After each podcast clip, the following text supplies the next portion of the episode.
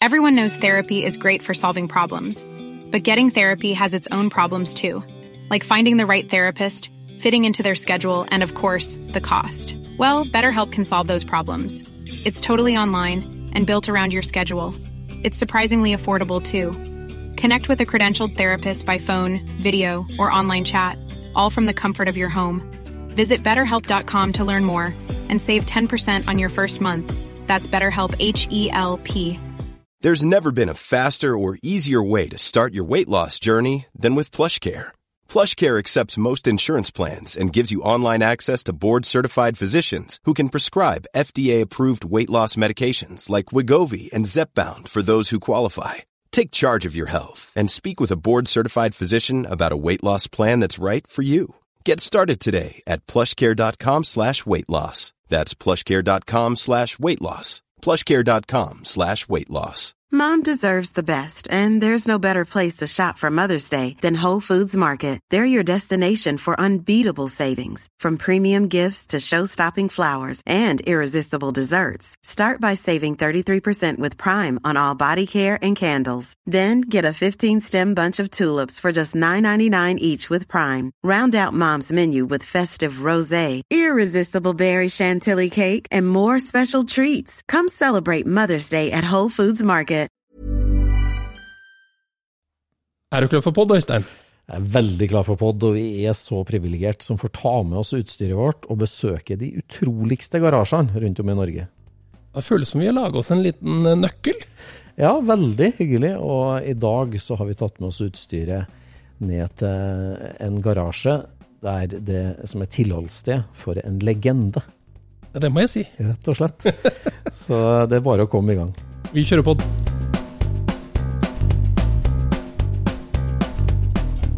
Du lytter nå til Scootspodden, en norsk podkast om klassisk bil med Jon Roar og Øystein.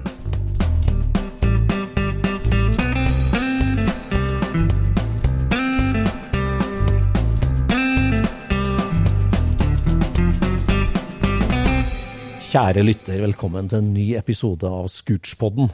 Nå sitter vi altså her inn eh, i et eh, fantastisk verksted og en garasje, og vi har invitert oss sjøl på besøk til en som vi har lest om i mange tiår, og som har sett de utrolige bilene til. Tusen takk for at du tok imot oss, Stein Arne Lindvall. Gleden er på min side. Veldig sagt. Ja, ja, ja. For nå har vi sunket ned i sofaen her i verkstedhjørnet ditt. Vi er omgitt av masse modellfly, hele taket dekorert av flotte, gamle modellfly. I bukken foran oss så henger det en Shelby Mustang. Den utrolige 1000 hestekrefters karavellen står rett ved sida av oss. Her er det godt å være, altså. Ja, Her koser du deg, du òg. ja, vi må jo omgi oss med det vi liker. Ja. Inspirerende miljø. Absolutt. Absolutt. ja, det har du gjort. Altså, her er det en salig blanding av motor og bil og modellfly og motorsykler. Og... Fantastisk. Jo, takk. Det er gøy å ha tingen like rundt seg. Det blir jo som eh, noen skal ha malerier på veggene, og andre syns et modellfly kan være greit. Ja, ja for at det, det er jo ikke bare liksom tinga, det, er jo, det, er jo, det her er jo din historie òg. Du snakker om at det, det, det starta med modellfly, og det var motorsykler og det var biler, så det, du har jo et nært forhold til alt det her. Ja da. Og så, når en blir eldre, så vil en jo gjerne ha tilbake de første drømmene, og så en går jo litt tilbake i barndommen når en blir eh, godt voksen, som jeg kaller det. Ja, ja, det er rart det der, altså. Og da er eBay godt å ha. Da er eBay veldig bra. Det blir eh, jakt på nettene på eBay, rett og slett.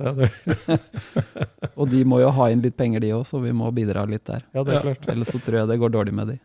Det ser ut som du er god kunde, altså, der, når det gjelder modellflyutstyr. På fornavn med alle borte i USA, på eBay der. Ja, ja, ja. Ja, det er utrolig. Ja, for det, det er jo nettopp eh, altså, Vi, vi starta med legende, for at dine utrolige biler, altså enten det er dobbeltturbo, Opel eller helt vanvittig Corvette og Caravel- Caravellen, du er jo kjent for noen helt utrolige biler. Eh, men det var jo med modellfly det starta. Ja da, det var det. Eh, Før modellfly så var det jo lek og alt det som barn gjør, men når vi blei rundt ti år, så hørte vi Bodde på Haugenstø i Oslo, så hørte vi det var et eller annet som bråka og surra bort ved jernbanestasjonen. Ja. Og der var det noe fjernstyrte, nei, linestyrte modellfly. Ja. Og når du er ti år og ser sånt noe, så er jo det Det setter spor. Ja. Og da fant vi ut at det var noe som heter modellhobby i Skåveien 27 bak Slottet i Oslo. Mm. Og du husker jo selvfølgelig den adressa enda, for at det var jo det største som kunne skje. å komme inn der. Ja. Kunne ruta, hadde sett bakpå katalogen, og det var jo pante to flasker, og så hadde du til togbilletten inn til Oslo. Mm. Og det var da det begynte, og det var eh, Men vi hadde jo ikke råd til linestyrt fly den gangen, da. Nei. Så det blei eh, noe lignende seilflyet som heter ESA, som alle har bygd hvis du har eh, vært med i en sånn hobbyklubb. Ja. Var det heter Bongo, da, tilsvarende. Så det var den starten, da. Linestyrt fly, det er jo eh, altså Det er jo som en drage, nærmest. Du står og holder i et håndtak med to vaiere opp til flyet, og kan vippe på håndtaket og styre opp og ned. Og så går det rundt og rundt. Ja. Ja. Og hvis du har vært veldig uheldig Etter hvert så fikk vi også et linestyrt fly, da. Og hvis du har vært veldig uheldig hatt på litt for mye fuel på tanken, så gikk det jo rundt og rundt, for da gikk jo flyet altfor langt, ikke sant. Det stoppa jo aldri. Så, du, ja, det er det så da blei det linestyrt som regel, da. Det var Du blei passe svimmel. Ja, for når du da var 10-12 år og ble utsatt for eh, ja, fresende motorlyd da, for første gang, da er vi nå da eh, ja, midt på 70-tallet. er vi da. Ja. Og da, ja det var jo før RC-kontrolleren. Når kom liksom den egentlig da? Det er jeg ikke helt eh, sikker på, men den var jo kommet. Ja. Så jeg hadde jo min første fjernstyring i 75. Ja, Ja. Og den hadde jo eksistert siden midten av 60-tallet, vil jeg tro. Ja, akkurat. Men det var jo ikke så mange som hadde det da, den gangen. Ja, ja. Så det blei jo frittflyvende seilfly til å begynne med, som du sendte fra en høyde eller dro opp med line og sprang etter og håpa du fikk den ned hel igjen, eller fant den igjen. Det hendte jo at det stakk av gårde, og da blei det god løpetur. Men den der magnetiske kraften som en sånn fresende liten enkubikks motor hadde på deg, da. Ja. Den, den altså at du av alle gutta i gata blir dratt mot det her. Eller det var sikkert flere av dere, men, men er det liksom medfødt, tror du? Eller hvor, hvor kommer det fra at noen av oss bare ha, blir, får så dilla på sånt? Det er vanskelig å si, men det er jo rått å se på. Tøff lyd, går fort, ikke sant. Eh, En guttunge liker jo det. Ja. Og så er det jo å eie noe av det som de store har. Ja, altså, ja, du ja. har noe som jo- de store har, ikke sant? Det er jo drømminga, Ja. og ja. du får deg jo et mål, liksom, en sånn skal jeg ha. Det er mange ja. som har sagt det. Det skal jeg gjøre, eller en sånn skal jeg ha, eller Ja, skal bli best, liksom, for du har jo sett noen som er best. ja. ja. Ja. Så det er jo drømminga som driver deg. Ja, Ja, ja, ja. Men jeg tenker det at eh, veldig fort modellfly, det, det kjøpte jo flatpakka i Ikea-pakke. Så det å skru og mekke, eller sette sammen, lime, plaste, eh, alt det her, det kommer jo automatisk når du starta med den hobbyen, på en måte. Så Ja da. Ja. Det er ikke som nå. Nå spretter jo flyet ferdig ut i isopor, og så flyr det, ikke sant. Når Mm. folk kjøper nå. I gamle dager så var det jo bare flis oppi esken. Ja. Du måtte jo lime og spikke og trekke vingene med Mm. papir eller silke eller hva du gjorde. Og lakke og or- or- Ja, brukte celluloselakk, eller Ja. dop som det hette. Sto Mm. jo det på lakkboksen, men det var jo celluloselakk. Ordentlig kraftig lukt. Ja. Stramma trekket, så du måtte jo bygge alt fra bånda. Ja, ja. Det er jo selvfølgelig kjempegøy, det òg. Det er jo driven, det å se om en får til det òg. Det er jo det å skape noe og gjøre noe med fingrene, og det er jo mange som liker. Du tør å klatre litt høyere når du har laga fly sjøl, Ja, i treet. da må du opp. Da må du opp. Det har vært uh, mange spennende turer for å få tak i flyet igjen, altså. Ja. Det har jeg. Så det. Nei da, det er veldig fascinerende, hele den der pakka der. ja, ja. Og så er det å bygge noe nytt, ikke sant. Du drømmer jo større fly, fjernstyring, flere kanaler med balanseror og alt som en kan få etter hvert. Ja. Det holdt jo ikke bare å fly rundt og ikke gjøre noe, det skulle jo lupes og rolles, og flyet skulle gå fortere og fortere, og skulle slå de andre i klubben, og så det dro på, vet du. Ja. Ja. Hvis jeg skulle si, vi, vi vet jo litt om hvor dette endte hen, så jeg hører jo nå på praten din hvor liksom det starta. altså, Konkurranseelementet, vær råest, bygge med hendene. Det, det her er jo fundamentet i det du har eh, ja, via livet ditt til, da, i, i bil- og motorsykkelhobby nå. Med å ja, bygge og være verst. Ja, det er jo gøy å se om en får det til, da. Mm. Og så er det jo konkurranseinstinktet.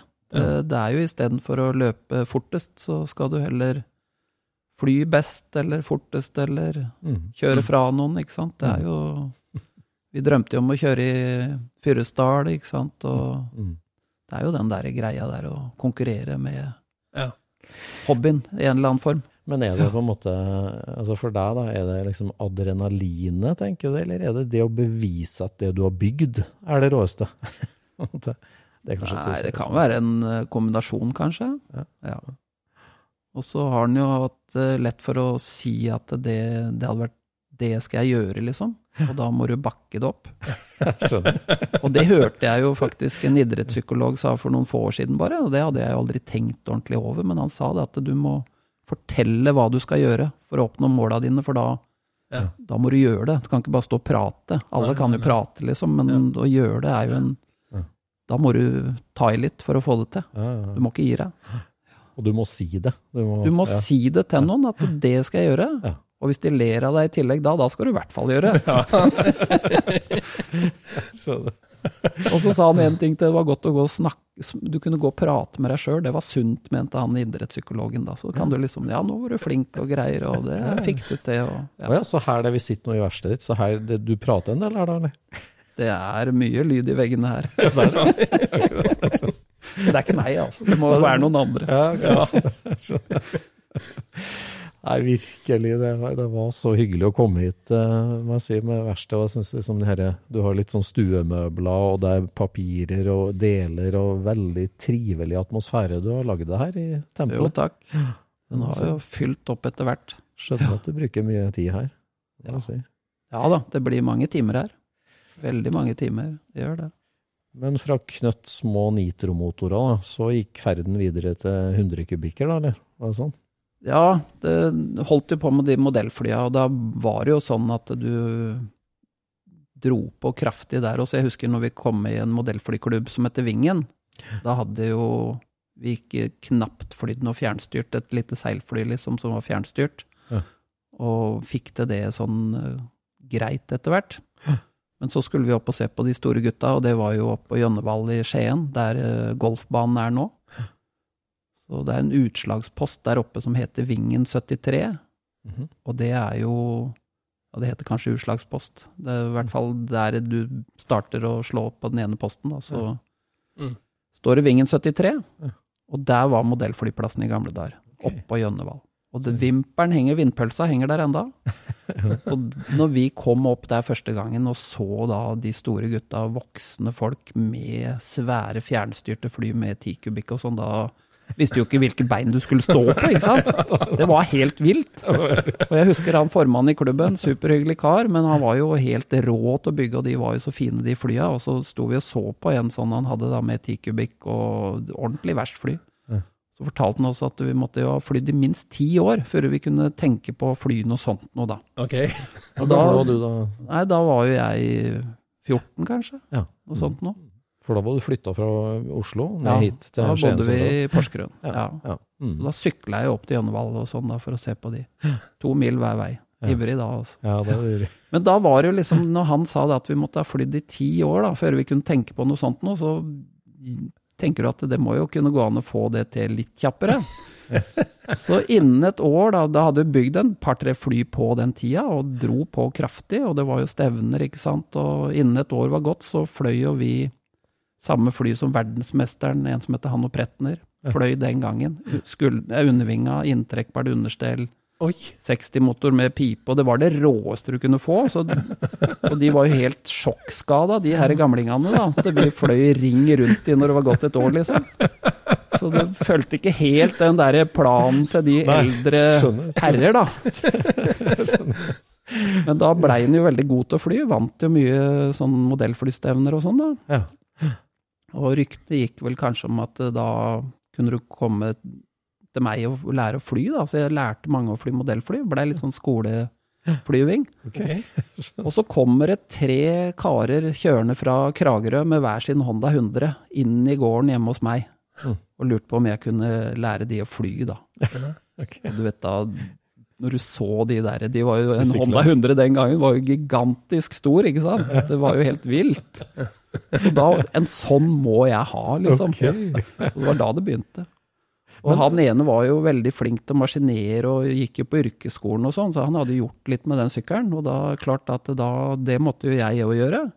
Og han blei jo en god venn, da, så vi samarbeida litt den første tida om å få fart i de syklene og sånn, da. Så da blei det Honda 100, og da blei det litt mindre modellfly, da. da Så det var, Så begynte du å fly isteden? så du, det, det var et sånt helt definitivt øyeblikk. Altså, Ja, den ja. dagen de kom, Ja, da ja. slo du over. Og en sånn firetakt Honda var jo veldig rå og lydig, da. Ikke sånn skarp og pinglete som en totakt. liksom. Det var litt mer voksen lyd. Så det var en Honda 100. Ja. Og når du nevnte det for folk, så sa de jo bare ja, men de får jo aldri noe fart i, og de fusker og smeller, og det er forgasser som skal justeres, og det er jo stift og tenning og en firetakter og stille ventiler, ikke sant. Så de går jo bare helt i ræva bestandig. Så tenkte vi at den er vel ikke helt nødt til det, tenkte jeg da. Men ha, så da på modellflyet, hadde du begynt å trimme modellflyet òg, eller hvordan? Altså, du skrudde mye motor, eller hvordan? Nei, det var vel det at du kjøpte en ti 10 kubikk, da, som var det største du fikk den gangen. Ja. Mm. Og så kjøpte du en eh, noe periforgasser og pumpe, var kommet da, sånn at du hadde litt trykk på fuelen inn i forgasseren, så det blei finere forstøving. Og så når du hadde da en pipe, en sånn tunepipe som du må ha på en totakter for å få den til å gå fælt. Ja. Så vi var jo de første som hadde med en sånn pipe på et modellfly her i distriktet, da. Så du vet, det blei jo en helt sjuk fart i det flyet. Så det, ja, det ligner på det som henger oppi taket her, da, de to. Det går, den gangen så var det det råeste. Ja. Det gikk helt sjukt. Så de var jo helt eh, fra seg, vet du. Det Altså, skulle, skulle ikke være sånn. nei, nei, for det tenker jeg at du er 14-15-16 år, da. Og, og, og altså, hvor, hvor plukka du opp den inspirasjonen og inputen hen? Altså, for det var jo ikke noe du kunne kjøpe på modellhobby, alt det der, var det? eller? Modellhobby hadde inne et fly som hette Curare. Den gangen når jeg begynte å lese modellerplenius, hadde lest det et par år, så var det en som het Hanno Pretner og Wolfgang Matti var de to beste i verden. Ja. Fløy sånne pattern-kjerrer som det heter, altså kunstflykjerrer. Men da var det jo undervinga, inntrekkbart understell og den råeste motoren. Og det var det som gjaldt den gangen. Så da skulle du ha det. Da måtte vi ha det. Og vi leste jo da Modell E-plenius. Det ligger jo noen i bunken under bordet her, blant annet. Og det har det ene bladet fremdeles, selvfølgelig, som du leste om han hadde Pretner. Og der sto det flyet som heter Curare. Og det var det råeste i verden. Så en sånn måtte jeg ha, og de hadde en inne på modellhobby. Og den gangen så kosta den 657 kroner. Så da hadde du spart lenge, så fikk du råd til den. Hvordan fikk du råd til den? Var det aviser, da? Ja, det gikk med avisa. Ja, det var det som gjaldt. Ja. Men så, da, en vakker sommerdag, så ble det Honda, og du har ikke snudd deg tilbake siden. Nei, da var det jo det, og så hadde jo to sesonger med den. Første sesongen ble den på 142 kubikk. Større ventiler, større forgasser og Yoshi- Yoshimura Kam måtte du jo selvfølgelig ha. Det fantes deler til Hondaen den gangen. Kjøpt fra England. Og så kjøpte du forgasser fra Danmark, for danskene hadde 125, mener jeg, og da fant du en gasser som var bitte litt større, som du da gjorde litt med. Og den sesongen så gikk jo den allerede veldig bra. Du kjørte jo fra alt som var av eh, tilsvarende sykler. Og de her totaktsfolka, de var jo lettere sjokkskada, for den Hondaen skulle jo ikke gå sånn. Nei. Alt var feil. Men hvordan lærte du deg der, da? Det å rive ned den motoren og bore og få til 140 kubikk? Altså. Boringa gjorde jo han kompisen min som jeg nevnte fra Kragerø, for han gikk jo på yrkesskolen. Så han fiksa det. Så hona vi den. Kjøpte vi stempel fra Honda 750, gikk opp fra 50,5 i bor og opp til 61. Og da ble den på 146 kubikk. Ja. Kjørte den sesongen, han gikk godt, men tenkte at det må jo gå an å få til mer. Så til sesong to så pressa vi ut sylinderfòringa og inn med en Honda 750-foring, for den kunne du bore mer. Måtte dreie opp innvendig aluminium som foringen skulle inn i, da. Ja. Og så tok jeg et Honda 350 Twin-stempel, for det var 64 mm bor. Og da gikk jeg på yrkesskolen, det var, og det var også litt moro, for da gikk jeg på elektrofag. Men så, som læreren sa, så var han så uheldig at det sto en dreibenk i klasserommet. Så hvis ikke det hadde vært for at eh, det her var elektrofaglinje, Stein Arne, så hadde dette gått kjempebra, sa han. Men jeg sto jo borti dreibenken der og dreide på det stempelet og dreide ventiler og, og mye sånn. Men han var jo supergrei, han læreren. altså Han syntes det var gøy. Så da ble han på 160 kubikk. Ja. Og voldsom komp. Jeg kjørte på metanol til å begynne med, men så brukte den så mye fuel, for du måtte jo dyse den opp noe helt sjukt, vet du. Så bensinet er jo 14,7 i vektblandingsforhold, da, og metanolen er rundt 6,5, så den, det var jo tom tank før du kom til yrkesskolen, nesten. Og når det var kaldt, det var tidlig ferdig på våren, da måtte jeg ha startgass eller nafta for å få den i gang, for du fikk ikke fyra den på kald metanol. Da har du trimma nok. Ja, men så skjønte jeg at jeg kan ikke kjøre metanol. Og metanol fikk du jo, for det var veldig fint speedway-miljø rundt her sånn. Ja. Ja. Så da var en som heter Tormod Langli, som er jo veldig kjent. Han hjalp meg litt, og han har jo kjørt mye speedway og sånn, så han kom med litt tips, og så det var litt nyttig, liksom. Ja.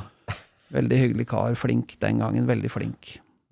Men så tok jeg ned kompen, for at det blei for ille. Så tok jeg ned kompen ganske kraftig, dreide av mer på stempelet. Og så kjørte jeg bare 20% metanol i den 99-en som du fikk den gangen, da. Mm. Men så hadde vi fremdeles litt tenningsbank, for det var, jeg fikk ikke kompen lavere, men så lagde jeg vanninnsprutning. Ja. Så da tok jeg en liten vannflaske som lå under salen, og så en dyse fra en modellflyforgasser, og den var justerbar, den nåleventilen. Ja. Og da ble tenningsbanken borte. Ja. Så den gikk fint med det. Så vanninnsprutning måtte den ha. Og da gikk han fælt, altså. Da var den ordentlig ille. Da, Var, det mye, var det mye street racing med da? Ja, men det var ingen rundt der å kjøre med, så du måtte lenger. Så først var det jo Larvik og kjørte fra det som var der, og så måtte du, da var Larvik brukt opp. Så ble det Sandefjord. Der var det ganske bra miljø med 100-kubikkere. Ja. Ja. Og da var jo gassinga bare sånn uskyldig rundt i byen, bare et kort napp fra kryss til kryss, liksom, og så var det avgjort. Men så skjønte de da at de måtte ringe til han, eller hente han som hadde sprekeste 100-kubikken i Sandefjord, da. Og så møttes vi utafor en yrkesskole eller hva det var, der var en fin slette, og så var det bare å kjøre fra han på bakhjulet, og da var Sandefjord også brukt opp. Og det har jeg hørt om i ettertid. Jeg har blitt kjent med en kar der borte, han nevnte det for bare noen måneder siden, at de husker det at det kom en Honda 100 bort der og bare ødela hele byen. Så det var en kar på min alder, det husker han ennå. Så det var veldig moro å bare få verifisert eh, fra annet hold. Det er artig med sånne historier som kommer tilbake sånn. Ja, jeg har et par til der som også er litt morsomme. Ja. Så det er eh, Ja. Det er vel e- eventuelt kanskje bare Biltilsynet og polisen som ikke syns sånne historier er så morsomme. De syns nok sikkert det er gøy, egentlig. Men så er det jo forelda, da. Ja. Er ikke det de pleier å si? jo. Jo. Men da var det ingen flere å konkurrere med, og du ble brått 18 òg, eller? Etter hvert. Ja, kappa med han som lærte å fly modellfly, som hjalp meg med Ja. motoren til å begynne med og sånn, da. Han eh, fløy seg i hjel, han bygde seg et mikrofly og fløy seg dessverre i hjel, en som heter Jens Rune Lofthaug fra Kragerø. Ja. Men han var litt eldre enn meg, så han kjøpte Triumph Bonneville. Ja. Og når jeg kjørte fra han med Honda 100, da var han litt deppa. Og så var det en annen jeg kjenner, han hadde GS 400, og han kjørte jeg også fra. altså Kanskje ikke i toppfart, for det fikk du jo ikke testa sånn ordentlig, liksom, men 0 til 100 og sånn, så hang det ikke på med Hondaen, så det var gøy. Men Ja. de trimmingstriksa der, da var det liksom Forska du ut det sjøl, eller var, var det inspirasjon fra Nei, du kunne vel lese litt. Det var jo selvfølgelig før noen tenkte på noe internett og sånn, men det fantes jo bøker om trimming. mm. Og sunn fornuft. Du skjønner jo liksom sånn i prinsipp hvordan ting fungerer. Så har det vel vært et bilmiljø i Grenland Ja, veldig lenge ja, òg? ja da, det har det. Så det var jo Du hadde jo hørt det, Men den gangen så sa jo folk spissere kam, ikke sant. Ja, ja, ja. Det er jo helt motsatt. Den skal jo rundest mulig, så han holder ventilen oppe. Men det så vi jo, han var jo ikke spissere når den der eh, Yoshimura-kammen kom. Den så helt annerledes ut. Så nei da, du skjønte jo i prinsipp hvordan ting eh, virka. Men du kjente da veldig tydelig du, at altså, dette er din vei i livet. Her har du et talent, og det å skru og fikse og få til å bygge, at det Ja, og så er det jo Når du har gjort det, så har du gjort det. Da har du lyst på noe mer. Så var det Mm. skulle bygge shopper, det var jo veldig inn. Og da var det en Triumph Bonneville som jeg kjøpte i Skien for 17 000 kroner, og den var jo helt original, drit strøken. Og den blei jo rivd ned, og så reiste vi jo til Stockholm, da. Da var jeg jo ikke fylt 18 enda, og kjøpte stivramme som skulle sveises på, og 15 tom bane, da, så jeg eika jo om bakfelgen for å Og da ble det et Michelin eh, 155 bildekk på bak. Ja. Så jeg begynte på den sykkelen, men så så vi noen amerikanske biler og sånn, da. Ja. Og så plutselig så skulle ha Mustang. Og da, da var jo Hondaen solgt, og Triumphen hadde jeg, men da måtte jo Triumphen gå. Ja. Så kjøpte jeg en Mustang sammen med en god venn av meg som heter Pål Kjetil Berg. Polly ble han kalt. Ja. Ikke han Pollyen fra Bergen, men en annen Polly. Og da hadde vi sett eh, Jeg husker ikke eksakt, det burde jeg huske, men vi hadde sett eh, blader Amcar begynte vi å kjøpe, og Koll og Rodd og alt mulig. Og så sto det om Fyresdal, ikke sant. I 78 hadde vi lest om. Ja. Og så skulle Fyresdal i 81 komme. Ja. Og vi hadde sett en 429 Boss. Det må ha vært annonse i Aftenposten som vi så. Ja. 70 429 Boss som sto i Oslo. Som kom via Steinar Stolen. Ja. Og den sto der til 95 000, og vi hadde jo begynt å lese Amcar, og vi hadde hørt om Skjelbyer og rå biler og Hemier, og en annen kompis nevnte Hemi stadig vekk til Mopaer, da. Men den bossen sto der inne, vi reiste inn og kikka på den, og den var jo helt sinnssykt rå. Han fyren starta den opp for oss, og den skulle selges da for 95 000 I 1981. i 81, og Ja. det her var jo kanskje tre uker før Fyresdal i 81. Ja. Så tenkte vi at det, hvis vi får kjøpt den, så kjører vi rett til Fyresdal. Det var liksom drømmen. Ja, ja, ja. Så den helga som Fyresdal skulle være, da hadde vi jo litt dårlig tid, men da hadde han kjøper på den han hadde, kom- Kameraten min som var ett år eldre med, han hadde G6 1100. Hadde kjøper på den. Så han sto på Oslo øst og venta på oss. øh, Han hadde tatt toget dit, og vi skulle kjøre sykkelen inn. Og jeg hadde solgt Triumphen, så vi hadde, når den sykkelen var solgt, så hadde vi liksom penger til den bilen, men så skulle han ordne finansiering, han eieren av den bossen. Ja. Men på turen inn så punkterer vi med den der motorsykkelen, for vi hadde jo ikke kosta på et nytt dekk, og det var helt utslitt, så det punkterte i bruskjøten inn til Drammen. Og så måtte vi snu på motorveien og få den ned til Drammen, legge på nytt bakdekk og fort inn til Oslo og selge sykkelen. Men da var det så seint på ettermiddagen at vi hadde ikke råd, eller fikk ikke ordna finansiering så seint på ettermiddagen. Nei. Så vi kjøpte en Aftenposten til, for vi tenkte vi må jo til Fyresdal liksom med en bil. Ja. og så fant vi en 69 Mustang Hardtop som vi kjøpte. Ja. Og den endte jo jeg opp med året etterpå, for da kjøpte jeg ut han kameraten min. Ja. 428 Cobra 1-bil. Og da skulle vi til Fyresdal, men så blei det så seint på kvelden, og så tenkte vi det var ikke like moro med den som med Bossen, og så blei det ikke Fyresdal, da. Men vi hadde i hvert fall Mustang, da. Og den gikk jo fælt for en sånn 428 Cobra 1 i 81. Det var jo en veldig sprek bil. Så den gikk bra, den. Så, Så da var du akkurat fylt 18, du? Nei, da var ikke jeg 18, da hadde jeg ikke lappen. Så kameraten min hadde lappen. Jeg var 17.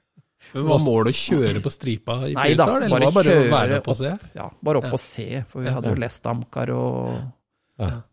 Var Reiton kommet da, eller? 81? Uh, ja, det, Det var vel det. det var det. Ja. Men uh, det skal ikke jeg si sikkert. Nå Neida. blir vi halshøgd av Ronny her. ja, jeg tror Amcar og, og Reiton var samtidig der. Ja. Ja. Men da blei det ikke Fyresdal, vi måtte lese om det i bladene bare, men vi hadde jo bil. Og så blei det jo liksom sånn at du så jo at den kanskje kan gjøre litt mer med den bilen. Fikk jo litt planer, og du leste jo om utvekslinger og konverter og trim, ikke sant. Og Seved Karlsson i Sverige hadde du også lest om, en eh, Ford-legende der borte. Mm. Ja. Jeg ringte jo til han stadig, og så overtok jeg bilen, kjøpte ut Polly da, på den Mustangen. Mm. Og reiv den ned på vinteren, eh, opp med motoren, porta topper. Det hadde jeg gjort med Honda 100 nå, så du visste jo liksom hvordan det skulle se ut sånn noenlunde, selv om den ikke visste nok. Og bort til Seved og kjøpte litt hvassere kam, og så hadde den et flott innsug som hang på veggen der, med to fireportere fra en 427 Loverizer, så jeg kjøpte det. Ja. Og så var det jo Den gangen så var det jo veldig overbevist om at det var automat som gjaldt, for du så jo så mange som drev bomgira med manuell, og så skulle ha automat, og det var jo i bilen, men da var det jo preppe den C6-en, og så kjøpe en 10 tom BM-konverter. Mm.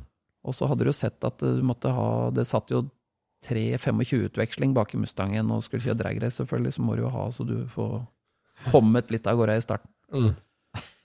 Ja, for da bygde hun opp for å kjøre drag race, Ja, altså. da skulle du 400 meter, da. Ja, jeg skulle til, Skulle til Fyresdal. Så mens du da tar førerkortet omtrent, så bygger du din første bil og skal kjøre dragrace når du blir 18.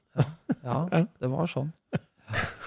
Så ble det 514-giring bak, for det fant du. Det burde heller kanskje vært 456, men han blei jo veldig startrask. Ja. Så var det til Fyresdal, og hadde jo kjørt litt på gata, men, men når du kom opp dit og fikk testa sliks første gangen, så var det jo veldig uvant. Det, byksa jo av gårde noe voldsomt. Du måtte ha sliks, ja. Ja ja, selvfølgelig. Hvis det, den var, gikk bra, så du mala jo gatene veldig uten sliks, for å si det sånn. Markerte revir. så nei, sliks må du ha. Det hadde vi skjønt. Husker du første turen du kjørte med en trimma, da, eller i, på gatene? Ja ja. Det gjør jeg sånn, eh, så det var stort, det. Ja. Tidlig på våren. Den gangen så rakk vi å være ferdig til våren. Det rekker vi aldri nå. I hvert fall ikke det samme våren som vi prater om, egentlig. Så dette var våren 82. Det var våren 82. Ja. Ja. Så det gikk fælt, og det var, du drømte jo om å kjøre veldig, veldig fort. Du hadde jo sett at det var noen Mustanger og tilsvarende biler som kjørte liksom kanskje ned mot 11 blank og sånn, så du drømte jo liksom om noe sånt noe, da. Men du hadde jo aldri fått testa om noen tider. Så opp til Fyresdal, og da fikk vi jo kjørt, og det var jo selvfølgelig kjempegøy. Og den gikk 13,1 og 161 km. Ja. Og det var jo ikke helt som en hadde trodd. Nei. Men den gikk jo bra allikevel. Men da var det jo sånn at det hadde original skifter i bilen, og når det nappa så veldig av gårde i starten i forhold til hva du var vant til, så var det vanskelig å putte på andre gir når du hadde tømt første. Så det ble første treet hver gang. Fikk to drag, og så var vi ferdig med kjøringa der oppe. Da var det ute, for det var jo noe som gikk fortere da, ikke sant. Så han gikk 13-1 på første tregir da. Ja. Og så sesong to, da var det jo ikke Fyresdal, da var det Gardermoen. Mm. Men da var det bare 200 meter. Ja. Så da hadde vi jo selvfølgelig kjøpt en BM-skifter, sånn så ikke du kunne bomgire. Du fikk jo bare ett og ett gir som en sånn motorsykkelgiring. Ja. Mm. Ja. Mm. Og da gikk den 8, 41 og 142 km eller noe sånt nå. Ja. Mm. Og veldig startrask. Bilen fungerte godt, så han gikk jo bra. Var jo- 69 Mustang Hardtop. Ja, Mm. da var den rød. Mm. Og så blei det sesong tre. Da sto vi i en møkkabinge ute i Bærsbygda i Porsgrunn her som det var så forferdelig lavt under taket, og det er ikke tøys. Så fant jeg ut at den måtte jo senke taket på bilen, sånn at det sto mer i stil til garasjetakhøyda. så da ble det taksenk, og da var vi jo inspirert av Helge Solberg, for han hadde jo bygd en fantastisk fin Camaro. Ja, nettopp. Oppe i Bø, Og, ja. no, ja. og når andre kan senke taket, så må jo vi òg. Skal jo ikke være noe dårligere. Men når du da tar fatt på sånne nye mekkeutfordringer, sånn som det å ta taksenke, og sveising, eh, tynnplatejobbing og sånt, det, det faller deg helt naturlig? Det er ikke noe vanskelig for deg, eller altså, hvordan Jo, du må jo bare prøve, men det er klart første gang du sveiser tynnplate, så er du jo ikke verdensmester. Så du må jo trene litt, og det var vel et par ganger du slipa vekk sveisen, og så datt plata fra hverandre igjen. Ja, Sånn at du skjønte jo det at du måtte ha på mer varme og Men det blir jo en sånn Det skal jeg få til, så Men går du og tenker på det lenge, eller gjør du det samme dagen du kom på det, liksom? Nei, du skal jo, må jo sveise. Du kan ikke være avhengig av at noen andre skal gjøre det. Så du kjøpte jo sveiseapparat. Ja, ja. Og så er det bare å begynne å sveise. Du trener jo på det. ja, ja. Og samtidig så fikk jeg jobb eh, i et firma som heter Bione på Bøleveien. Bygde hestehengere. Okay. Og da sto vi og sveisa rammer og sånn hele tida. Så jeg fikk jo den jobben av det at de så at jeg hadde bygd bil og, Mm. og sånt noe. Så jeg bygde 23 hestehengere, og da er jo alt i stål i selve ramma og alt sånt noe, så du sto jo og sveisa mye, så du blei jo dyktig på det, da. Så det gikk jo veldig greit. Ja. Men Du gikk eh, elektrolinja, da, så du? ja, et ett år på elektrofag. Ja. Svak og sterk strøm. Ja. Men så var liksom ikke det noe spennende. Nei. Og så begynte jeg å jobbe i stedet.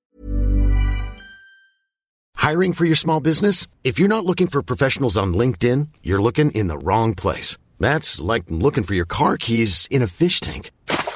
LinkedIn helps you hire professionals you can't find anywhere else, even those who aren't actively searching for a new job but might be open to the perfect role. In a given month, over 70% of LinkedIn users don't even visit other leading job sites. So start looking in the right place. With LinkedIn, you can hire professionals like a professional. Post your free job on linkedin.com/people slash people today.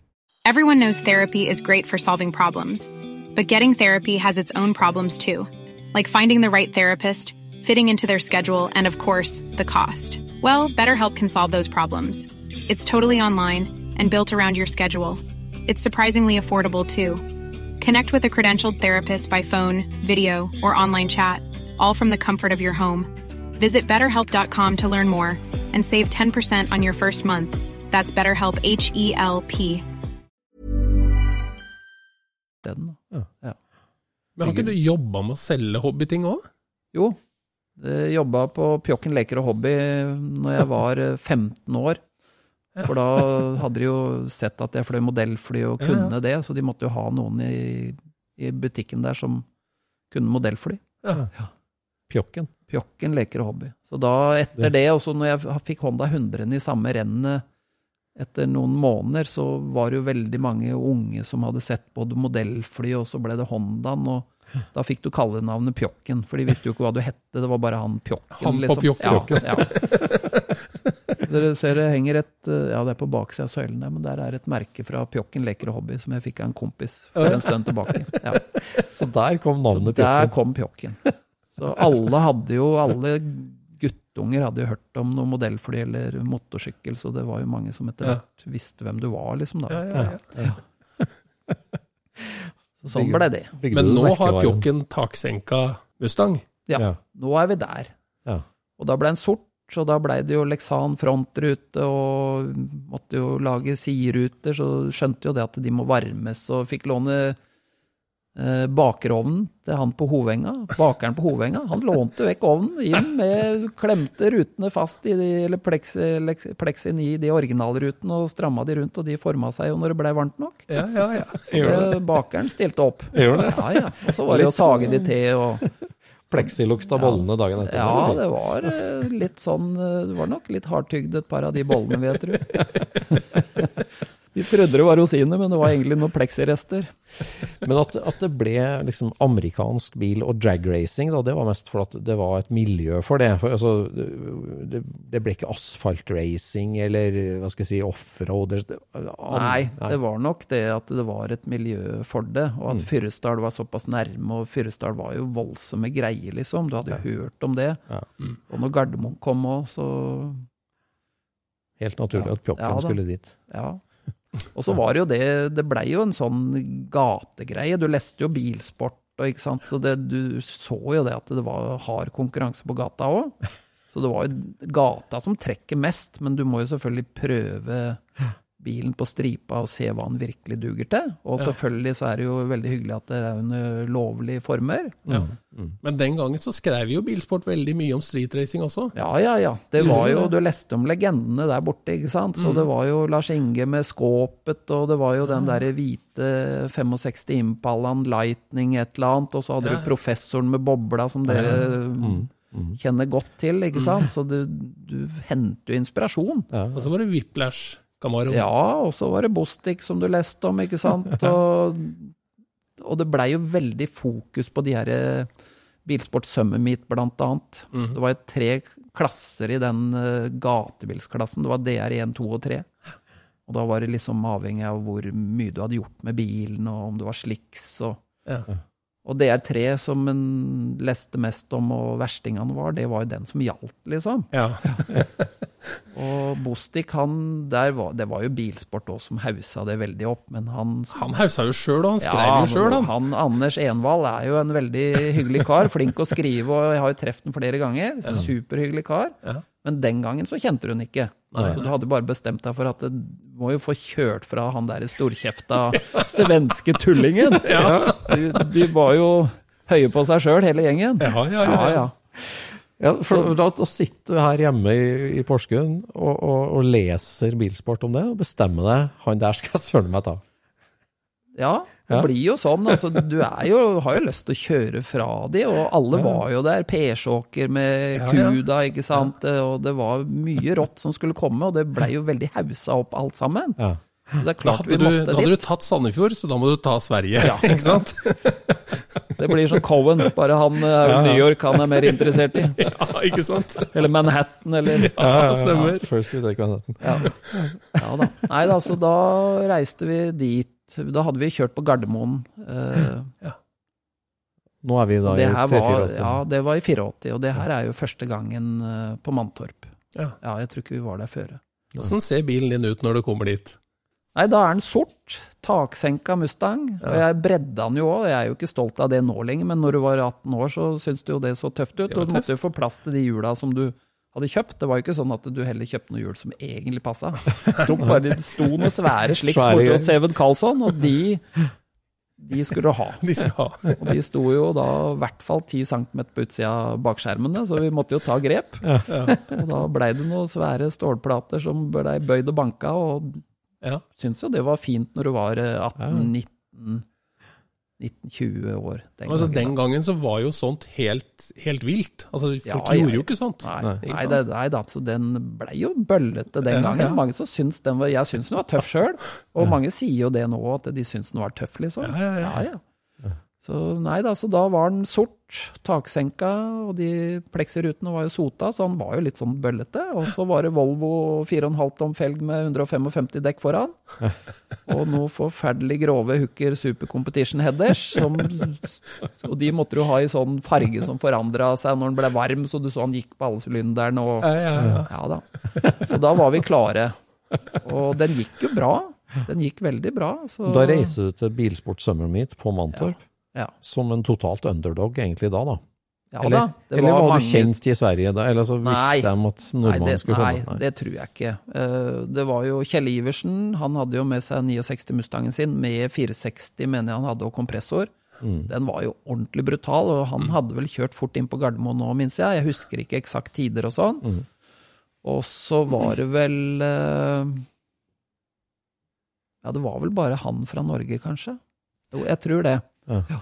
Og så var det jo alle svenskene. Så det er jo litt sånn landskamp Norge-Sverige, selv om ikke de kanskje trodde at vi skulle få til noe. Ja. Uh, Mustangen var ikke den raskeste, men den var jo helt oppe i toppen. Men Bostik kjørte fortere når han traff. Ja. Kjell Iversen kjørte bitte litt fortere, han òg. Det var jo mer trøkk i den der eh, 460 med presse. Ja. Eh, og så var det jo Jeg husker ikke om det var kval og sånn, men det er i hvert fall utslaging. Så én og én ryker ut, og du kjørte jo fra én etter én. Mm. Og så til slutt så sto vi jo i kvartfinale og gikk videre ganske greit, for Mustangen den funka hver gang. Det var jo automat som vi hadde fokusert på da bomgiruk, og du Nei. Hadde jo skifter så ikke kunne bomgire lenger, og den spratt jo av gårde i starten. Var, og Mantorp greip jo helt sjukt i forhold til Gardermoen, ikke sant. Det var litt mer gummi der. Ja, ja. Så nei, det var jo en annen verden. Så den gikk veldig bra. Lett å kjøre bra med, og du hadde jo trent mye på gata, og så du visste jo hvordan ting skulle være. Og så kom vi jo til Jeg burde jo huske eksakt hvordan det var, da, men det gjør jeg ikke. Men eh, om jeg møtte Bostik før finalen Jeg tror det var i Semi. semien. Ja. Ja. Og så stakk han med noen meter i starten, og så bomgira han. Han Ah. hadde femtrinns dog Nash. Ja, ja, ja, ja. Så den her taktikken min med at det er automat som gjelder, det den satt. Ja. Og det var jo ikke lenge han bomgira, men du vet, han kjørte jo sikkert da to, tre, fire tiendedeler kjappere enn bilen min egentlig gikk, som Ja. er jo overlegent egentlig, Ja, ja. men du må jo i mål. Ja, ja, må jo mål. Og da var den jo ferdig, for at det holder ikke å bomgire bitte lite grann bare. Da er du ferdig. Så da gikk jeg videre. Og da må det ha vært Kjell Iversen i finalen, tror jeg. Oi, Ja, jeg norsk, tror norsk, det, altså. ja, jeg med, det går an å finne ut, men jeg tror det var det. Og veldig hyggelig kar, Vi snakka jo mye med han. Og han var så uheldig at eh, kom- kompressorreima hoppa eller røyk i finalen. Ja. Så sånn egentlig så skulle jeg kanskje blitt nummer tre eller noe sånt nå. Men det er ikke sånn det fungerer. Nei, sånn funker ikke. Du Nei. må i mål. Så da vant du. Og da husker jeg han Ja, da vant jeg. Og det var voldsomt. Og så var det veldig mange som ikke var så glad i Bostik. Så, så det var noen svensker som kom bort og malte Bostik-killet på bilen. Var det det? Ja. Og jeg syntes jo det var litt stas. Da var jo ikke jeg bestevenn med Bostik heller, så jeg tenkte at nei, la nå svensken få det, liksom. Så det blei sånn. De kom med den der kalkmalinga, og det var noen av de som jobber der, tror jeg. For det var jo de som skrev på Å, ja, det var startnummer og sånn med den kalkmalinga. Bostic Killer. Så da var det et kors, og så Bostik Killer. Og det blei jo Det brant seg jo fast i Mye rart. Da var du kongen av Montorf. Ja, det var heftig, og det var vel eh, Han som likte det minst, det er han som eier Bilsport. Jeg husker ikke navnet på han lenger. Albertsson Sjøberg? Ja, Sjefen, han som Ja. eide hele greia. For jeg tror han hadde den store sjekken, som var jo, den tror jeg han hadde fylt ut på forhånd, hvor det sto Bostik. Å nei! Og så måtte han gi den til en nordmann, så jeg måtte jo nesten sparke den i skrittet for å få han til å slippe den sjekken, ikke sant. Nei, nei, nei. Så da var han ordentlig grinte. Og det var jo 3000 kroner eller noe, det var jo mye i, i 84. Så det var jo voldsomt stas å få den, da. Så det var moro. Det var stort. Så da, Da- var det Bostik kunne- Killer. Da kunne du hvile på laurbærene, eller? Da dro du hjem og slapp av? Eller? Ja, i hvert fall eh, resten av sesongen. Ja. Du hadde jo ikke råd til å gjøre noe mer, liksom, og sånn, men den gikk jo godt, så Kjørte du på hjula bort der, eller åssen var det? Nei, da tok vi den på henger bort. Ja. Han, jeg mener vi fikk låne henger der jeg jobba, der vi bygde tilhengere. Ja. Mm. Det er langt, vet du, med Ja, det er langt. 514-giring. Det var langt til Oslo til og med, det, altså, den gangen. Hadde det vært i 110 i dag, så hadde du jo ikke vurdert den nei. Men den gangen så var det jo maks 80, liksom, så da kunne det jo kanskje ligge i 80. Men ikke Nei.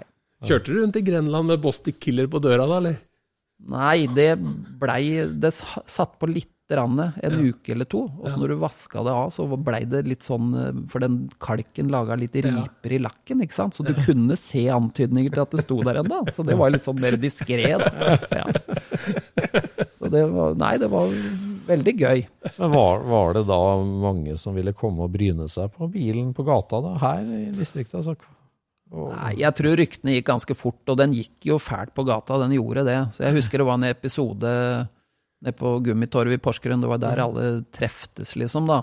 Og så kom det en ganske tøff noe sånn Ford Victoria eller et eller annet sånt noe med 350 Cleveland og Tunnel Ram opp av panseret. Han var ordentlig bøllete. Oi, Og så var de litt sånn og oppesen da, nede på Gummitorvet der, og jeg kom jo kjørende med Renault 4-en min, som var bruksbilen da.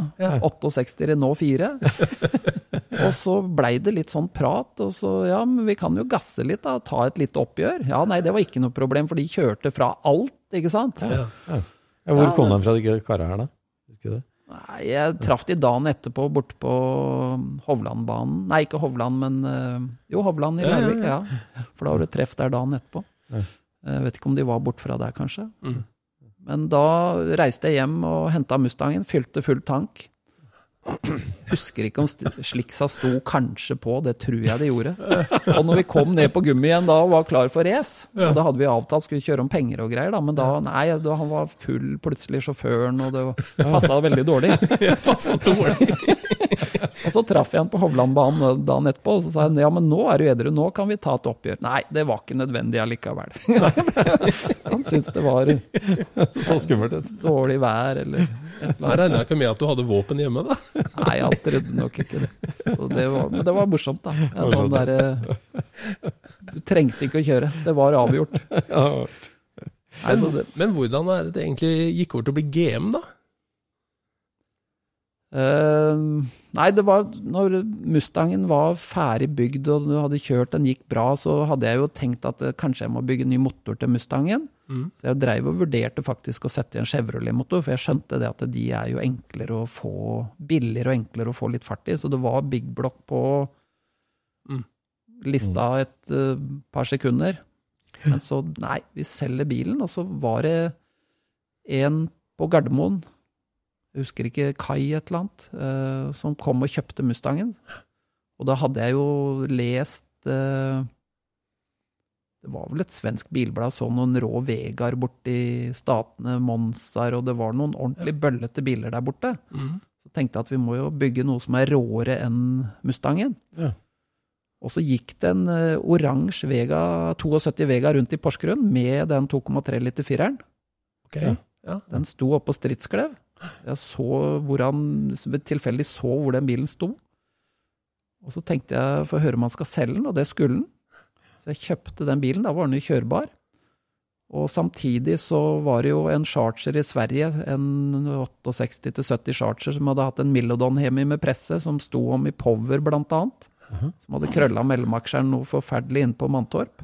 Ja. Og det var jo en gammel sånn uh, nitromotor, som han hadde satt da i den chargeren. Ja. Helalu Milodon-hemi, med eh, 671 ja, Litt sånn gatepresse, da. Ja. Og så sto plutselig den motoren avertert i et eller annet svensk bilblad. Og da hadde jeg jo visst om den Vegaen. Så tenkte jeg at den må vi jo ha i Fin, Vegaen. fin blanding. Ja, den, passer, den er jo nesten bolt on i den Vegaen, tenkte jeg. Ja, Så, ja. Ut med fire. ja, Begge er fra Statene, så ja. ja, ja, ja. Og så hadde jeg jo sett i Hotrod, der var det jo en som hadde stilt spørsmål tidligere med hvordan du satt i Big Block Chevrolet i 72 Vega. Ja. Og de har jo en sånn tech-side litt tidlig når du blar opp i Hotrod, med litt morsomme tegninger. Og han lurte på åssen han skulle montere den, og det hadde de løsning på. Da var det en fyr som sto i sjuende etasje på verandaen sin, så holdt han den der Big Blocken utover verandaen, og så var det bare pil ned til 72 Vega. Så når du slapp den fra sjuende, så gikk den rett ned. Da ja, Sjuhoning i tiden. Ja. ja. Da. Nei, da, så da, det var litt det, og så hadde du sett noen av de her eh, rå bilene i hotrod og sånn. Så da tenkte jeg at da må vi jo Og svenskene var jo også på gang med rå biler. Du hadde jo lest om Lars Inge og som vi nevnte ja. tidligere, ikke sant. Så tenkte at vi må jo gjøre sånn at det, de trenger ikke å bomgire for at vi skal kjøre fra de. Nei, nei. Nå skal vi bare gjøre det, Kjøre liksom. fra de, Ja, ja. Så 72 Vega, kjøpte den. Eh, reiste til Sverige og kjøpte glassfiberfront og dører og bakluke. Og kjøpte den motoren. Eh, fikk den for 36 000 den gangen. Det var jo mye penger, men det var allikevel billig for en helalu. Men den, nå, da lå den i deler, for det var noe gærent med den. Ja. Og så kjøpte jeg en teflontetta 671 Littlefield, for den var jo litt bøsere enn den derre Dyer, lurer jeg på om de hette, eller noe sånn gatepresse som sto opprinnelig på den Milodon Hemin, og den var jo altfor snill, så vi måtte jo ha bøsere der. Bygde opp motoren helt på nytt, eh, og vurderte girkasser og sånn, men tenkte da at eh, Lenko må jo være bedre enn en sånn automatkasse. Ja. Så fant en tretrinns Lenko som hadde stått i en uh, Procomp. Den gangen så kjørte de tretrinns Lenko. Ja. Ja. Og kløtsjhus, den hadde jo stått på en smallblokk, men fant kløtsjhus som passa til Hemin da. Og så fant jeg en Lenko-bygd eh, Ford Nitom, som da har det råeste av innmat og sånn, ikke sant. Så en kort eh, rakker, og den ville jo passe fint på Vegaen. Men har du tenkt å bygge dette for gata? Nei. Jo, jo. Det var okay. Ja, ja. Skulle bygge den råeste gata? Ja, skulle bygge den råeste gatebilen, og tenkte at det er jo ikke noe vits i å Med skilt. være på. Ja, det var vel litt optimistisk, tror jeg. Ja, det høres litt optimistisk Men uh, ungdommelig mot, vet du. Ja, ja. Og så er det jo det derre, den driven. Det skal jeg gjøre. Mm. Og det hadde jo ingen gjort her hjemme, ikke sant. Så den, og så ringte jeg med Ronny Krabberød, og han tente jo helt. Han er jo ikke vanskelig å be. Nei. Så han ville gjøre en story underveis når jeg bygde bilen, så det blei jo et prosjekt i Raiton. Ja. Oh, ja. Mm. Så den blei jo fulgt, ikke sant. Og så fikk han jo en som var forferdelig god til å tegne den gangen. Han begynte å gjøre noen tegninger for Raiton. ja. Så han tegna en 72 Vega, og den fronten jeg hadde kjøpt, var 74. Jeg syns den er litt finere den gangen, da. Og så forlenga vi den 30 cm for å få proporsjoner på bilen. Ja. Og lengre aksjeavstand er jo positivt når du skal kjøre med den bilen. Mm. Så den blei jo litt tøff. Sånn, ja, nå hoppa vi langt, men det var jo kjøpt inn det den trengte. Og så var det jo å finne fram eh, Holdt jo ikke med den lille vinkelkutteren. Den store vinkelkutteren måtte jo fram for å få skjært den bilen fra hverandre. Så det eneste som var igjen, det var jo taket og kanalene og bakskjermene, gulv og torpedo. Alt var jo skåret ut. Og så kjøpte jeg inn eh, Det gikk 85 meter med rør. Sømløse stålrør. Bygde jo, måtte jo ha rørramme, for det så de hadde i USA. Så jeg lagde jo eget hjuloppheng foran og bak, full rørramme. Og det spionerte jeg på Det var noen som kjørte veldig fort i prostok, som heter Lee Shepherd. De kjørte 82 Camaro med Big Block Chevrolet.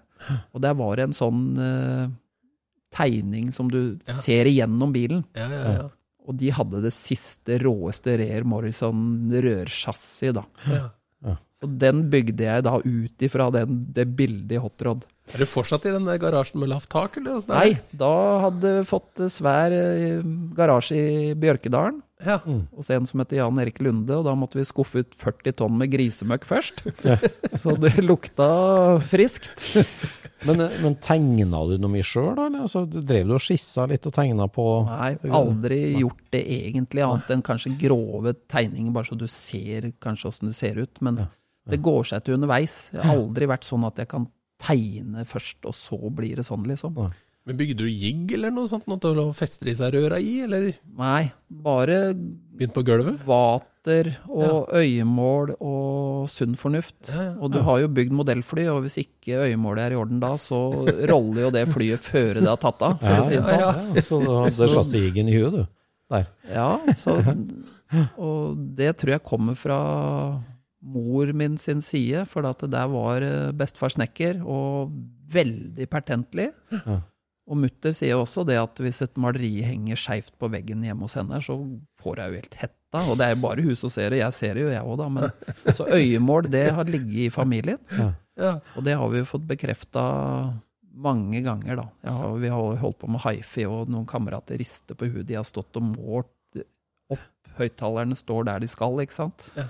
Og så setter jeg meg i lyttestolen, og så sier jeg du må vri den en millimeter. Nei, det var bare tøys. Men så stemte det likevel. Så, så det har liksom ligget der. En ting er øyemålet, men liksom det presisjonsnivået du legger deg på, altså standarden, det, det skjer på bilene rundt oss her, og alt det du har bygd, det er jo vel, du legger lista veldig høyt. Den har jo blitt høyere og høyere for hver gang.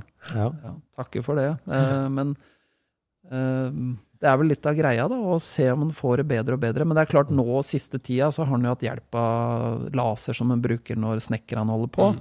Sånn at da er du enda sikrere på at det er riktig det du gjør, da. Ja, ja. Så det er jo et veldig nyttig verktøy. Så det har jeg brukt eh, Mm. siste sju-åtte åra, kanskje. Mm. Mm. Sparer masse tid, og så er du helt sikker på at det er 100. Ja. Men du har jo vatera, må du jo snu begge veier for å se at uh, Ja, ja. bobla ligger riktig, ikke sant? Og så var jeg så heldig å få et uh, gammelt hjulstillingsvater, skal en kalle det det, fra Dunlop. Av en uh, svenske som er god på racing.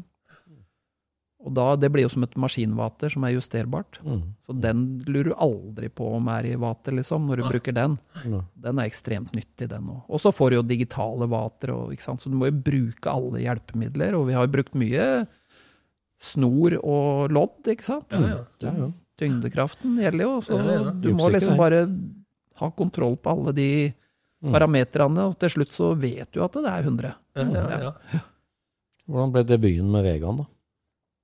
Den eh, blei det jo bare prøveskilt på, da. Ja. Så det blei jo sånn eh, Du blei jo banna, og så måtte du til Larvik og hente prøveskilt. Og, men kjørte litt på gata med den noen få ganger. Var på Gummimenn, det snakker jo folk om enda.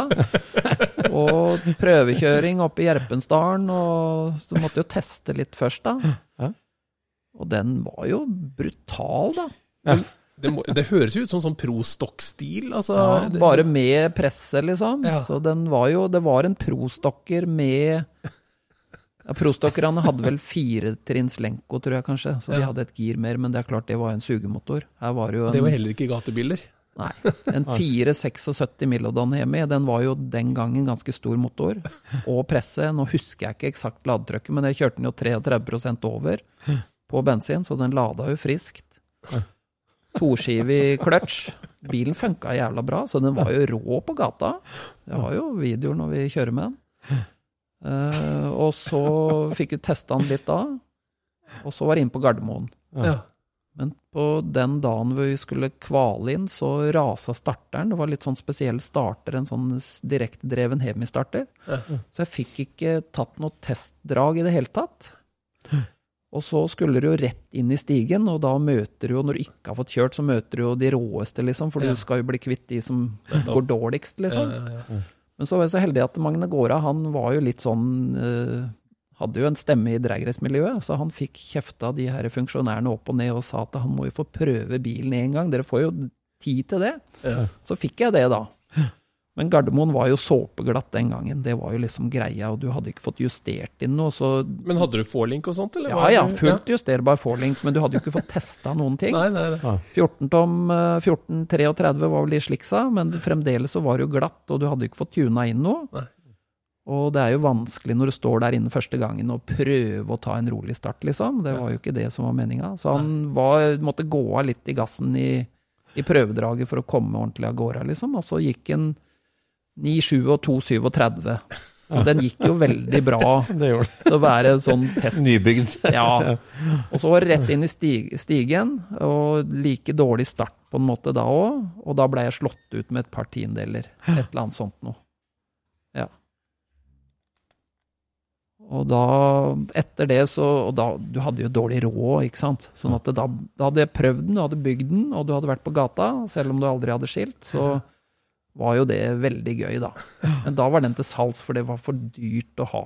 Ja. Og så kjøpte jeg jo 72 rekordkupé. Da hadde jeg noen planer Ja. med den. Så da sto jo Vegaen i garasjen der, samtidig som jeg holdt på med den 72 rekorden. Og da, jo, jeg Ja, hadde hva, noe hva skjer der, da, liksom, når du da er Mustang og amerikaner, og så rører av med prostokk, og så Nei, jeg Opel? hadde sett han som var sammen med søstera mi, hadde, hadde en eh, 72 rekordkupé med noen Alley Cat-felger, og så var det vel noen sigende fjære. Så du så Dæven, den var jo litt tøff, den bilen, liksom. Ja.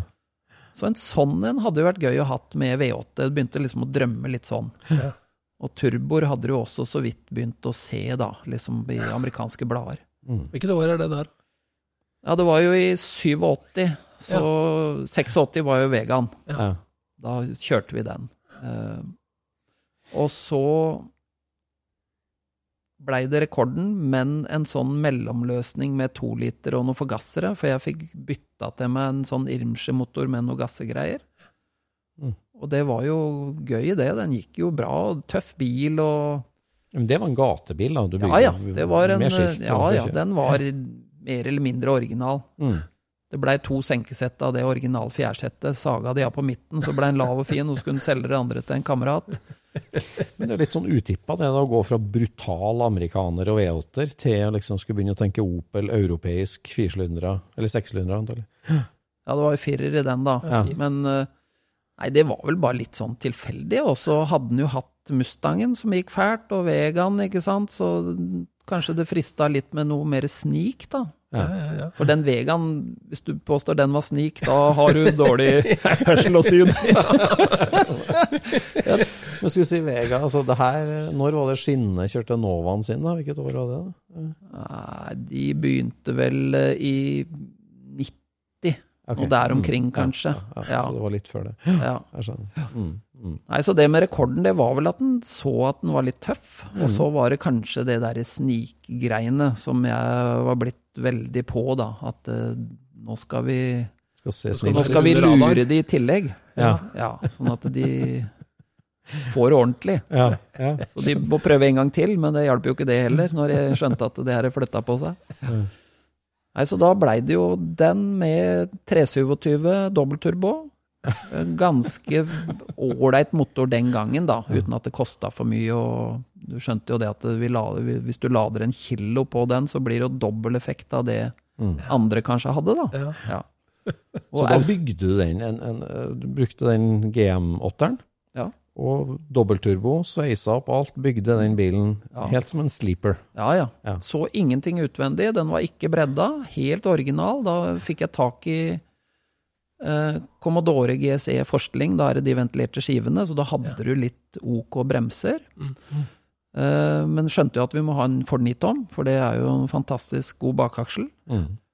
Og da var jo planen at den eh, Da, var du, da hadde du lært at du ikke skulle ha 514-utveksling på gata, for nå skulle du kjøre litt fortere. Ja. Og på gata så får du ikke feste med 514 fra stillestående allikevel. Så det ble en Ford 9-tom som jeg korta halvannen centimeter på hver side eller noe sånt nå. Og så ble det 275-giring, for da skulle vi kjøre fort, og vi skulle også kunne kjøre til Mantorp istedenfor å henge, liksom, da. Ja. Og så blei det jo et uh, eksosanlegg som du ikke så, det slutta jo jevnt med bakplata, og så sto bare bakplata igjen fra potta, da. Det originale Opel-potta saga vi altså. Bakre plata sto igjen bare sammen med det sugerøret. Det var alt du så bak bilen. Ja. Så hvis du kikka nøye, så var jo hele potta vekk, men det var bare liksom en sånn kulisse av en potte der. Og det andre så du ikke. Og da var det tre sånne Sonic Turbo som var rå i gamle dager, 2,5 tommer i parallell, så han dempa lyden veldig, og turboene dempa, så du hørte jo ingenting, ikke sant? Så den var jo helt lydløs, og gikk noe helt vanvittig den gangen, da. Så det var jo Du kjørte jo fra alt på gata. Hva, hva slags effekt hadde du inn da på et Nei, hvis en skal gjette, så var jo det kanskje 600 hester, da, hvis det var 300 hester i den. Ja. Og da veide bilen 1320. Ja. Fy faen. Og ordentlig fin å få av gårde, liksom. Han var litt daff helt fra stillestående, men når du kom opp i en 50-60-70, så tok det ordentlig i. Og da maler du jo streker så langt du gadd. Da... Men du kunne jo dosere det, da, så han, du fikk den jo til å flytte ordentlig på seg. Ja. Så den var eh, Nei, og da Men da plaga vel ikke Biltilsynet deg lenger? Nei, de visste ikke om den bilen, ikke sant. Nei. For da hadde vi ikke tenkt på at det kanskje går an å godkjenne den, liksom. Det skulle bare være sånn morsomt prosjekt som var fort gjort. Ja. Men tok du med den til Sverige og herja nå der, da? eller? Nei, ikke med en gang. Vi Jo, kanskje. Vi var på Mantorp i Jo, 88 var vi på Mantorp. Ja. Da gikk en 12 blank og 205. Helt lydløs, med 225 Pirelli. Ja. Og så gjorde vi det samme på Gardermoen. Og på turen hjem så sto Biltilsynet på vekta på Landreia og vinka inn alt som kom. Ja. Og den bilen var jo veldig snik, ikke sant? Så- Ja. Og tenkte jo da at det går sikkert greit, for han var jo lydløs òg. Men så ville han eh, hyggelig sakkyndig, han var faktisk veldig ålreit, han ville ha han inn på bremserullene, ikke sant? Oi. Og frambremsen var bra, og bakbremsen var bra, og håndbrekket var bra. Men så ville han ha den videre, da, inn over grava, ikke sant, for å kunne se under bilen og sånn. Mhm. Og så ville han se på motoren. Og da skjønte jeg at ok, nå, Nå blir det litt greier. Så jeg sa til henne at nå må du ikke få sjokk, sa jeg til henne. Og så åpna jeg panseret, så sa han ikke noe med en gang. Han sto bare og vinka på de andre, og så Du, deg har vi venta lenge på, sa han. For de hadde hørt rykter om bilen.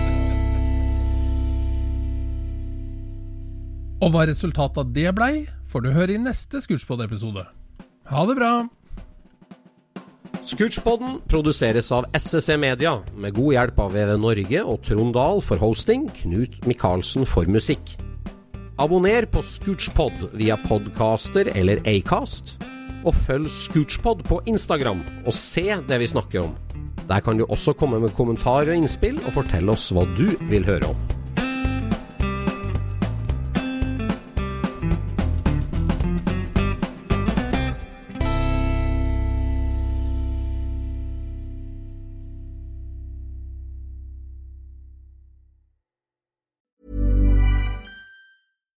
When we're on a budget, we still deserve nice things. Quince is a place to scoop up stunning high-end goods for 50 to 80% less than similar brands. They have buttery soft cashmere sweaters starting at $50, luxurious Italian leather bags, and so much more. Plus, Quince only works with factories that use safe, ethical, and responsible manufacturing. Get the high-end goods you'll love without the high price tag with Quince. Go to quince.com slash style for free shipping and 365-day returns. Mom deserves the best, and there's no better place to shop for Mother's Day than Whole Foods Market. They're your destination for unbeatable savings, from premium gifts to show-stopping flowers and irresistible desserts. Start by saving 33% with Prime on all body care and candles. Then get a 15-stem bunch of tulips for just $9.99 each with Prime. Round out Mom's menu with festive rosé, irresistible berry chantilly cake, and more special treats. Come celebrate Mother's Day at Whole Foods Market. Planning for your next trip?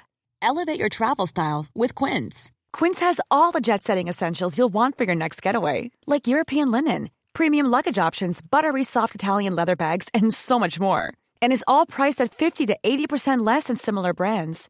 Plus, Quince only works with factories that use safe and ethical manufacturing practices. Pack your bags with high-quality essentials you'll be wearing for vacations to come with Quince. Go to quince.com slash pack for free shipping and 365-day returns.